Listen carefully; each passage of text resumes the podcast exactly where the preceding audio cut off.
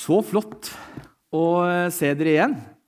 Eh, mange av dere har jeg sett gjennom hele påska. og Det er jo, det er jo helt fantastisk å kunne få lov eh, å benytte påska i dette lokalet, mer enn ute på hytta på fjellet og langs sjøen og sånn. Eh, men jeg tror av og til at det er viktig å, å både visuelt og gjennom å være der altså det, det å opp oppleve å gå igjennom disse siste dagene i Jerusalem. Kjenne det litt på kroppen. Eh, være her i et mørkt lokale og, og, se og være med på lidelsesfortellingen sammen med hele fellesskapet på torsdag. Dele brødet og vinen eh, sammen. Altså, jeg, jeg, tror det gjør noe med, med oss som menighet, med oss som enkeltmennesker. Eh, og det skaper eh, skaper en rot som går dypere enn bare den lutherske frikirke eller den lutherske kirke. Eller vi går faktisk helt tilbake til da han starta hele greiene for 2000 år siden. Og hvis du er helt ny her i dag eh, og Det kan jo hende at det dukker opp noen nye som tenker at påske det er sånn kjerketid, så da går vi i kirka. Så hvis du er ny, så er det sånn at eh, i denne menigheten og i denne kirka så bruker vi den boka her. Min er ganske stor. Det er mange forskjellige former. Eh, men vi tror at det som står her, alt sammen er inspirert av Gud. Og vi tror at det er mer enn historiske eh, og moralske retningslinjer og konsepter for hvordan leve gode liv. Vi tror at dette er en historiebok som handler om deg, om Guds kjærlighet til deg, om Guds kjærlighet til meg. Og nå som vi samles, så ønsker vi oss på nytt å hengi oss inn i den historien om oss og Guds kjærlighet til oss. Så det er hvis du er helt ny. Eh, er det noen nye, forresten? Har vi ja, Jeg skal ikke henge ut noen nå. Eh, også, altså, jeg har liksom vurdert litt om jeg skal ta den vitsen her. Men ja, jeg, jeg tar den, også for dere le litt sånn for eh, ja, Dere kan le av meg også, det er også lov. Eh, men jeg hørte jeg syntes den var litt morsom. Og Det var da eh, et ektepar som hadde tenkt vi skal til Israel, vi skal ned til Det hellige land. vi må... Oh, og Da kom en svigermor, og hun svigermora var ikke veldig grei. Altså, Hun var ikke fornøyd med ekteskapet, hun var ikke fornøyd med, med svigersønn. Og det hadde vært eh, krig i, i, 40 år mens han og kona var gift. Eh, men hun sa ja, 'jeg skal være med'. Han bare OK, nok en ferie ødelagt. Eh, og de reiser da ned til Israel, er der, opplever, går sammen med i Jesu fotspor. Eh, og så, så dør svigermor i Israel. Og så går han til en lokal eh, begravelsesagent og sier han, ja, hva vil det koste meg å, å, få gjort noe med dette. Så sier begravelsesagenten hvis du skal sende henne hjem til Norge, da må du ut med en 50 000 for at vi skal få gjort ting riktig og få sendt henne hjem igjen. Hvis du gravlegger henne her, så skal vi gjøre det for 1500 kroner. Og da sa han da tar jeg for 50 000. Og han Hæ? 50 000? Hvorfor gjør du det? Altså, det er jo bare jo eh, 48 000 her. Nei, vet du hva? Jeg har hørt noen rykter om at de som gravlegges her, det er en sannsynlighet for at de kan stå opp om tre dager, og det vil jeg ikke ha noe med. Så han sendte henne hjem igjen.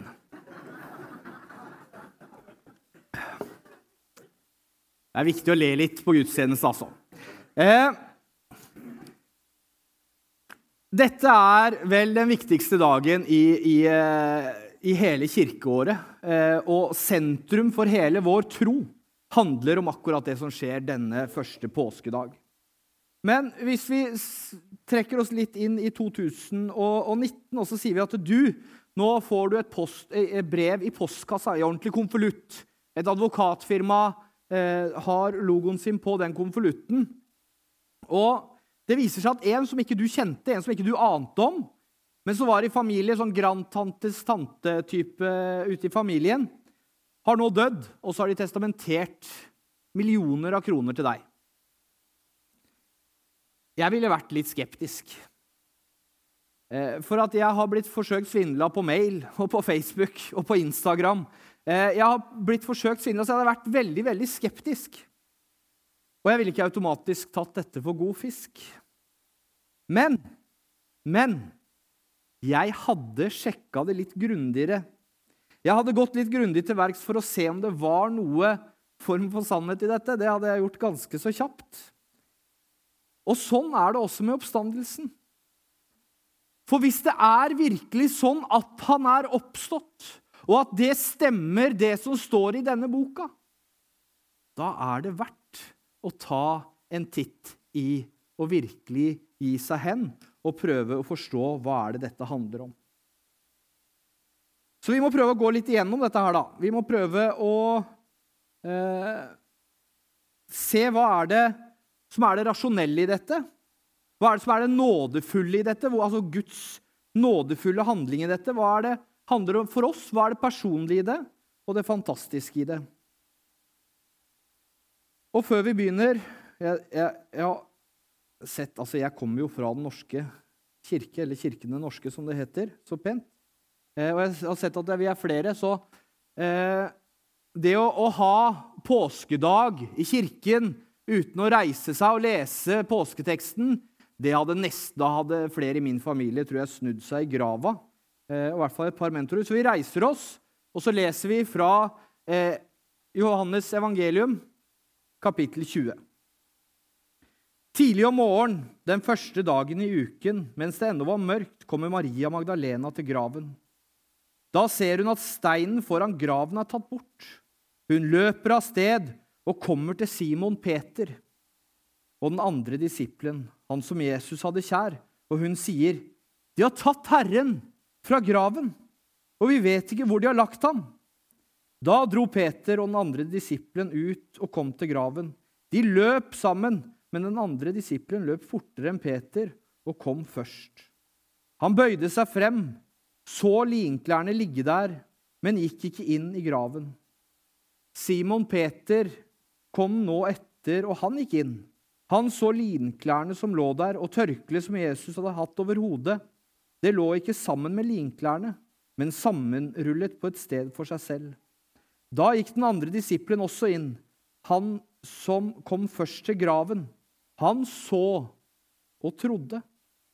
Fram til da hadde de ikke forstått det Skriften sier, at han måtte stå opp fra de døde. Disiplene gikk så hjem. Men Maria sto like utenfor graven og gråt. Gråtende bøyde hun seg fram og så inn i graven.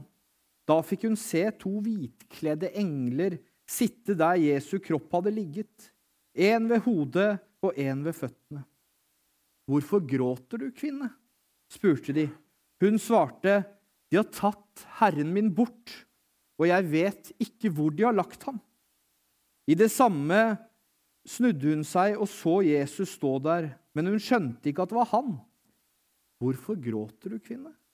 spør Jesus. Hvem leter du etter? Hun trodde han var gartneren og sa til ham, Herre, hvis du har tatt ham bort, så si til meg hvor du har lagt ham så skal jeg ta ham med meg. Maria, sa Jesus. Hun, da snudde hun seg og sa til ham på hebraisk, 'Rabuni', det betyr mester. Jesus sier til henne, 'Rør meg ikke, for jeg har ikke ennå steget opp til min far.' 'Men gå til mine brødre og si til dem at jeg stiger opp til ham som er min far og far for dere, min Gud og deres Gud.' Da gikk Maria Magdalena av sted og sa til disiplene, 'Jeg har sett Herren.' Og hun fortalte hva han hadde sagt til henne. Vær så god, sitt. Det var bare for høytidelighetens skyld, Øyvind. Altså, de første, de første 300 årene av den kristne kirke så var dette, akkurat dette som står i Johannesevangeliet, akilleshælen til hele evangeliet. Det var det alle som angrep den kristne tro, angrep de på. Fordi kvinnene var vitnene om at han var oppstått. Og kvinnene ble ikke veldig høyt ansett i denne tiden i romerske riket. Kvinnenes vitnesbyrd Det var ikke engang lov å vitne i rettssaker, så de hadde egentlig ingenting de skulle ha sagt. Og Det gir jo på en måte evangeliene enda større troverdighet. For Hvis jeg hadde sittet for 2000 år siden og tenkte nå skal jeg prøve å manipulere milliarder av mennesker i, i tusenvis av år, hvordan gjør jeg dette? jeg glatter over dette. Simon Peter og disiplen Jesus hadde kjær, som de fleste teologer og forskere eh, ser på som det er Johannes, han som har skrevet evangeliene, så ville jeg glatta over. Jeg ville brukt, brukt bare sletta ut litt, og så hadde jeg skrevet at Johannes og Peter så englene. Og de hørte hva englene hadde sagt, og de løp tilbake og fortalte resten av disiplene, og alle trodde. Men troverdigheten ligger i at kvinnene var de som hørte det. Kvinnene var de som gikk og fortalte de andre disiplene at Jesus hadde stått opp, og at de hadde møtt ham. Og Jeg vet at mange kristne har spørsmål om og innvender imot å argumentere for oppstandelsen. For hvor mange av dere ønsker å gå inn i den diskusjonen med en hardbarka ateist som kan det naturvitenskapelige verdensbildet fra A til Å? Rekk opp hånda her, hvem som går inn i den diskusjonen med hud og hår. Et par stykker. Et par stykker. Men veldig mange av oss tenker at har jeg godt nok grunnlag? Har jeg nok på min side? Har jeg nok til å kunne argumentere godt for dette? Eller bare gjør jeg Jesus til skamme ved at jeg bruker mine tanker og mine ord inn i denne situasjonen og inn i denne diskusjonen? For hvis Jesus virkelig lever, så kan han vel gjøre seg kjent selv gjennom sin ånd og overbevise mennesker om at han har oppstått. Og Det kristne fellesskapet i Jerusalem ble tidlig utsatt for forfølgelse. Og Fariseerne og de ledende myndighetene prøvde å få dem til å tie. De forbød dem å snakke om Jesus og oppstandelsene. Og I apostelgjerningene kapittel 5 så står det de tok apostlene med seg og førte dem fram for rådet. Og øverstepresten begynte å forhøre dem. Vi påla dere strengt at ikke dere skulle undervise i dette navnet. Og nå har dere spredt læren deres over hele Jerusalem, og vi legger skylden på oss for denne mannens blod. Men Peter og de andre apostlene svarte, en skal lyde Gud mer enn menneske. Våre fedres Gud reiste opp Jesus, han som dere hengte på et tre og drepte. Ham har Gud opphøyd og satt ved sin høyre hånd som fyrste og frelser, slik at han kan gi hele Israel omvendelse og tilgivelse for syndene. Vi er vitne om alt dette, vi og Den hellige ånd, som Gud har gitt dem som er lydige mot ham. Peter og apostlene de ville ikke la seg kue. De ville fortsette å tale om det de hadde sett, opplevd, hørt. Alt dette det bare brant inni de. Gud hadde reist Jesus opp og gjort ham til frelser, og nå tilbyr han tilgivelse for syndene og Den hellige ånd. Og de hevdet, disiplene, evangelistene, den første menigheten, de hevdet at det ikke var basert på blind tro. Det var ikke basert på blind tro. Og to viktige elementer som kunne underbygge sannheten i det de sa, var følgende. Vi vitner om alt dette. Vi. Vi har sett det, vi har opplevd det, vi har kjent det på kroppen. Vi vitner om alt dette. Og Den hellige ånd vitner samstemt med oss. Og Apostlene kunne vitne, Ånden kunne vitne om at oppstandelsen var skjedd. Apostlene kunne gi et historisk vitnesbyrd. De kunne fortelle om alt det de hadde vært med på. Skrive ned alt de hadde sett, alt de hadde opplevd. De var øyevitner som selv kunne gå god for at alt dette var skjedd, og at dette var sant. Og jeg vet ikke med dere, men altså jeg har sett min del av krim. Og nå har det vært påske, så har det vært en del krim. Og vitnesbyrd, de granskes. Akkurat som vitner blir kryssforhørt i rettssaker, vil også disse vitnesbyrdene kunne granskes. Og det er vel ingen bok, kanskje annet enn Ikea-katalogen, som rives opp og bruker under senger når vi skal ha ungene er sjuke og sånn, så er det vel ingen bok i verden som er rivd mer fra hverandre, forska mer på, analysert på arameisk, hebraisk, koinegresk, gammelgresk og nygresk, og du vet ikke hva. Det er sett gjennom alle mulige filter og luper, og den har blitt torpedert. Og likevel så består den. Den består. De, altså, når du ser disse her eh, i, i rettssaker som vi kjenner fra historien at de har jugd, og nå sitter de og skal prøve å, å spille denne historien i rettssaken Det er noe med mennesker som ljuger, det er noe med mennesker som ikke forteller hele sannheten. De klarer aldri å holde alle linjene sammen. På et eller annet sted så ryker argumentasjonsrekka deres. Og det er jo hele poenget med et kryssforhør.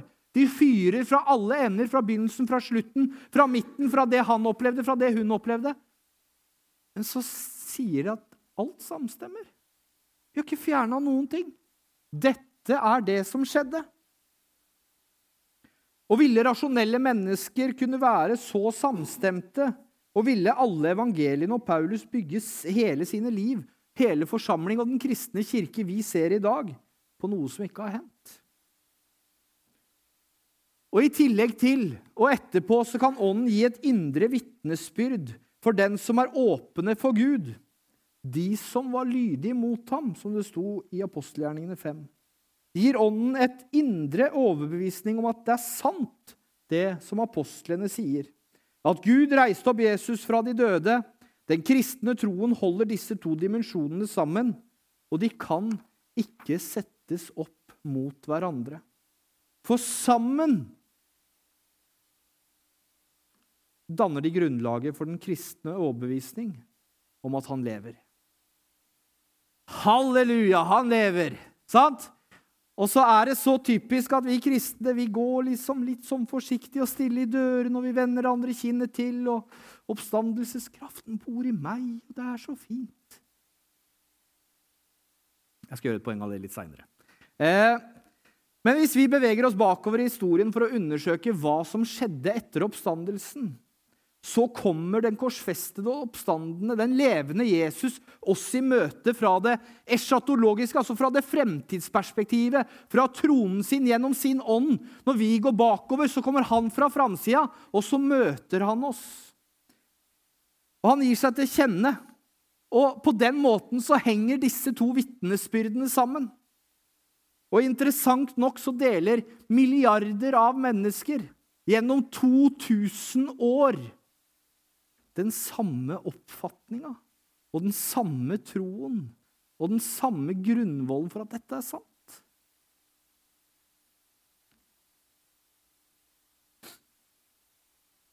Vi leser om mennesker som har oppstått fra de døde. Jesus reiste opp Lasarus, han eh, reiste opp enkens sønn i Nain, og flere andre som han reiser opp. Og de står opp tilbake til det livet de levde tidligere. Altså, Lasarus kom ut av graven. Han ta, kommer ut av graven, han tar av seg linkleet, og eh, Martha og Maria får lov å være sammen med Lasarus en stund til. Men han skal dø igjen. Han skal dø igjen. Han har ikke fått en ny natur, han har ikke blitt noe nytt. Han er, det, han er den samme Lasarus. Lukter svette. Han er akkurat den han var verdt hele tiden. Men når Jesus står opp, så er det ikke en sånn åndelig sjelevandring, en reinkarnasjon, som hender. Nei, graven er tom.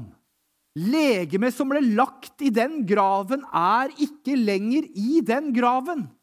Det er ikke sånn at det plutselig dukker opp en fyr i Egypt som plutselig har fått Jesu ånd, og går rundt og går, reiser tilbake igjen til Jerusalem og sier 'her er jeg', og så kjenner de den ikke igjen. Nei, det legemet som ble lagt i den graven, det er borte. Og det er noe annerledes med denne oppstandelsen enn det det var med disse andre oppstandelsene. Noe avgjørende har skjedd med Jesus, og de første kristne som vi leser, legger vekt på tre ting. Det første er forherligelsen. Og Da står det i første Peter Gud reiste Kristus opp fra de døde og ga ham herlighet og I apostelgjerningene 3 så står det Våre fedres Gud har herliggjort sin tjener Jesus. Så han har blitt forherliget. Han har blitt udødelig. Da står det i Romerne kapittel 6 vers 9. Vi vet jo at når Kristus er oppreist fra de døde, så dør han ikke mer. Døden har ikke lenger makt over han, sier Paulus. Og et annet sted så sier han han har gjort ende på døden og ført liv og udødelighet frem i lyset ved evangeliet. Andre Timoteus brev. Så er forherligelse, det er udødelighet, og det tredje er en ny begynnelse. En ny begynnelse for menneskeheten. Jesus Kristus, den førstefødte av de døde, skriver Johannes i åpenbaringsboken. Han er den første som har kommet tilbake fra døden i denne nye formen for eksistens. Den førstefødte. Men det er et gjennombrudd som har skjedd, slik at det finnes en mulighet for at andre skal få lov å ta del i denne livsformen, eh, slik at han, som han er, eh, og den førstefødte blant mange søsken, som Paulus sier i Romerbrevet kapittel 8. Så det har skjedd noe her, det har skjedd noe annerledes. Jesus ble oppreist fra de døde, forherliget, udødelig, og som gjennombruddet for en ny eksistensform som vi inviteres til alle sammen å ta en del i. Det handler om en radikal oppgradering av det menneskelige livet. Om en ny måte å være menneske på uten å skille kropp og sjel fra hverandre. Og Dette forklarer hvorfor reaksjonen til disiplene var så ufattelig annerledes. Altså, Hvis en av oss her inne hadde opplevd at en som vi hadde gravlagt, plutselig banka på kistelokket i kjerka og sto opp igjen, så hadde vi på en måte virkelig altså Vi hadde jo løpt rundt på Hånes og kanskje til og med løpt over til Lauåsen og fortalt hva som hadde skjedd. Men disiplene opplevde dette. De opplevde at Lasarus gikk ut av graven, og man tenkte flott. Maria og Martha har fått tilbake sin bror. Og det var jo flott for de som var rundt dem. Men på Jesu oppstandelse så reagerer de helt annerledes. Og hva er grunnen til det? Er det vanskelig å tro at Jesus har oppstått? For veldig mange mennesker så er det akkurat det det er. Og om vi tenker at Gud ikke finnes, ja, da kan jeg garantere dere at oppstandelsen ikke har skjedd. Men dersom det er mulig at Gud eksisterer, dersom det er bare en liten mulighet for at han eksisterer, så er det også mulig at oppstandelsen har skjedd. C.S. Lewis skriver i sin bok 'Mirakler'. Men om vi godtar at Gud finnes, må vi dermed godta at det kan skje mirakler. Ja, du har ingen garanti for noe annet.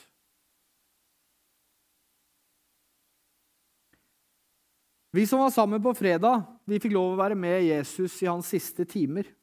Vi fikk høre og se hvordan han led og døde på korset for oss. Og hva er det dette korset viste oss? Jo, korset viser oss alvorligheten av våre synder. Korset viser oss alvorligheten av våre synder. Men det viser også Guds ufattelige kjærlighet til oss gjennom sitt offer i Jesus Kristus. Og Dagen i dag handler om at grunnfundamentet i vår tro, at Jesus sto opp igjen, halleluja, at han sto opp fra de døde Hvis han ikke gjorde det, så er kristendommen bare tull. Da er du en bedrager. Du er en bedrager. Du er en bedrager. Du er et løgnaktig menneske som manipulerer og lurer mennesker til å holde fast i noe som bare er jag etter vind. Det er ingenting. Men dersom det stemmer at Jesus sto opp fra de døde, og at han sto opp igjen så må han være sentrum i alle menneskers liv. Det er liksom ikke et sånn tredje alternativ. Hvis noen har det tre alternativet, så må du gjerne komme til meg etter gudstjeneste. Det vil jeg gjerne høre. Vi kan være sikre på at han har oppstått. Vi har møtt han, og vår ånd inni oss og vår tro som er fundamentert i dette og i dette og i dette, samstemmer når denne dagen kommer. Ja, sannelig, han er oppstanden. Og Herren sier til oss og Han kommer til oss og sier, 'Frykt ikke'. Bekymre dere, Bekymre dere ikke for morgendagen. Jeg er der, og jeg er der sammen med deg. Jeg lever. Inviter meg inn i dine drømmer. Inviter meg inn i dine sorger. Så vil jeg vise deg at jeg har oppstått, at jeg lever. Og den kraften som vekket Jesus opp fra de døde, den bor i oss. Og vi trenger ikke være redd for å bruke den. Vi må omfavne den. Og så hørte jeg en preken som Jeg tipper jeg har hørt ti prekener om oppstandelsen de siste 14 dagene. Og så var det en preken jeg så fra en sånn ordentlig charismatic church in the USA. Eh, og så tenkte jeg ok, han sier noe her som jeg Ja, dette samstemmer, og så er det noe ved det som jeg kanskje ikke helt sier amen til. Men jeg, synes, altså jeg fikk gåsehud, så da, da, tenker jeg at Herren har en eller annen plan. Og han sier at eh, Bibelen forteller oss ikke at vi skal være som Jesus var. Den Jesus som gikk rundt og fortalte, helbreda og gjorde godt og profeterte og gjorde alle disse tingene. Bibelen forteller oss at Jesus, vi skal være som Jesus er, ikke som han var. Og slik som ørnen flyr over stormene de, Ørnen bruker stormene til å bare gå høyere og høyere og høyere. Og de som lever i oppstandelseskraften, de løfter seg høyere og høyere og høyere. Og der kommer altså dette norske Ok, nå er du litt sånn på gærne veier. Men så sier han noe veldig, veldig interessant. Han sier det at eh, de som lever i oppstandelseskraften, er som ørner. De som velger å ikke leve i oppstandelseskraften, de er som kyllinger. Kyllinger prøver å fly, og så deiser de rett ned i bakken igjen. Og så går de i en innhegning med en annen som kontrollerer de til enhver tid. Men ørnen reiser seg opp over. Og det er mennesker som følger den oppstandende Kristus. Motstand, kamper, mennesker som hater deg, mennesker som vil ha deg bort. Og du flyr. Du ser disse menneskene. Jeg ser disse menneskene. Jeg ser mange mennesker her inne som jeg vet har ufattelig store stormer i livene sine akkurat nå. Det er masse som brygger på undersida. Og allikevel så sprer vi vingene våre og sier at dette i menneskelig kraft klarer ikke jeg. Gud, lett, la meg løftes over. Og her for 14 dager siden så hadde vi en, en samling her i kirka hvor min halvbrors halvbror Eh, på 23 år hadde kjørt seg i hjel nede i Søgne. Eh, og vi hadde en samling her i kirka. Og da kom jo, eh, Hans far er jo da drapsmann til min mor. Og han spurte meg når vi var ute på ulykkesstedet kan jeg sitte på med deg bort til Hånes frikirke, for da hadde vi laga i stand kveldsmat og kveldsmåltid her. Så sa jeg ja, selvfølgelig kan du det. Og så fikk jeg lov å stå utafor kirka her og be for han i et kvarter etterpå. Det ligger en storm i meg, et hat, et sinne uten sidestykke. Men oppstandelseskraften har gjort at jeg kan løfte meg over det. Og den kraften ligger også i dere. I hver enkelt en av dere så ligger den oppstandelseskraften. Og vi har del i den vakreste historien i verden. Og den er sann, og den er din. Amen. Fantastisk. Nå eh, drar jeg litt ut her ut, utafor, men jeg må bare følte at jeg måtte gjøre det. Jeg drømte om det i natt, nemlig. Og det var det at eh, Hvordan skal vi forløse denne oppstandelseskraften? Altså, Nå har jeg gitt dere noen bibelske vitnesbyrd og hvordan ånd og ordet henger sammen og vitner, og kognitivt så kan du argumentere godt for dette. Jeg kan gi deg 100 bøker til som gir deg de samme akademiske grunnlagene for den historiske Jesus og hans oppstandelse. Men hva er det som trøkker oss ut til mennesker? Hva er det som, Når mennesker ser oss, at det skinner et eller annet i øynene våre som de ikke er vant til å se noe annet sted? Den kraften som ligger iboende i oss, må forløses på en eller annen måte. Og hvordan gjør vi det på Sørlandet, Øyvind? Vi kjører på. Eh, og jeg tenker at eh, nå kommer Altså, det er, det er, vår, det er sommer, det er varme. Folk er ute på verandaen sin. Du hilser på dem. Du hilser på dem. Jesus elsker deg, vet du! Amen! Amen! Og jeg tenker at den kraften må få lov å bare forløses i oss.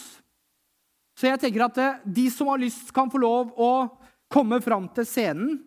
Og så vil jeg bare be en bønn om at den kraften skal forløses i deg. Og at du gjennom denne sommeren skal få lov å oppleve ting som du aldri før har opplevd. At Guds kraft skal få lov å bare fyre igjennom deg gjennom den, denne tida som kommer framover nå. Så hvis noen har lyst til å komme frem, så vil jeg gjerne be for dere. Og dere andre, dere er ikke kyllinger, dere er ørner, dere også, men dere må bare løfte vingene. Sant? Så det er ingen, ingen, ingen dømming. Bare sånn eh, Vi skal gjøre det nå.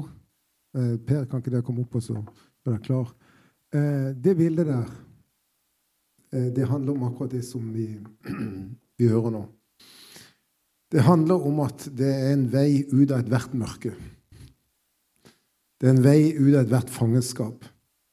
Og det er korset og Jesu oppstandelse som er det i vårt liv.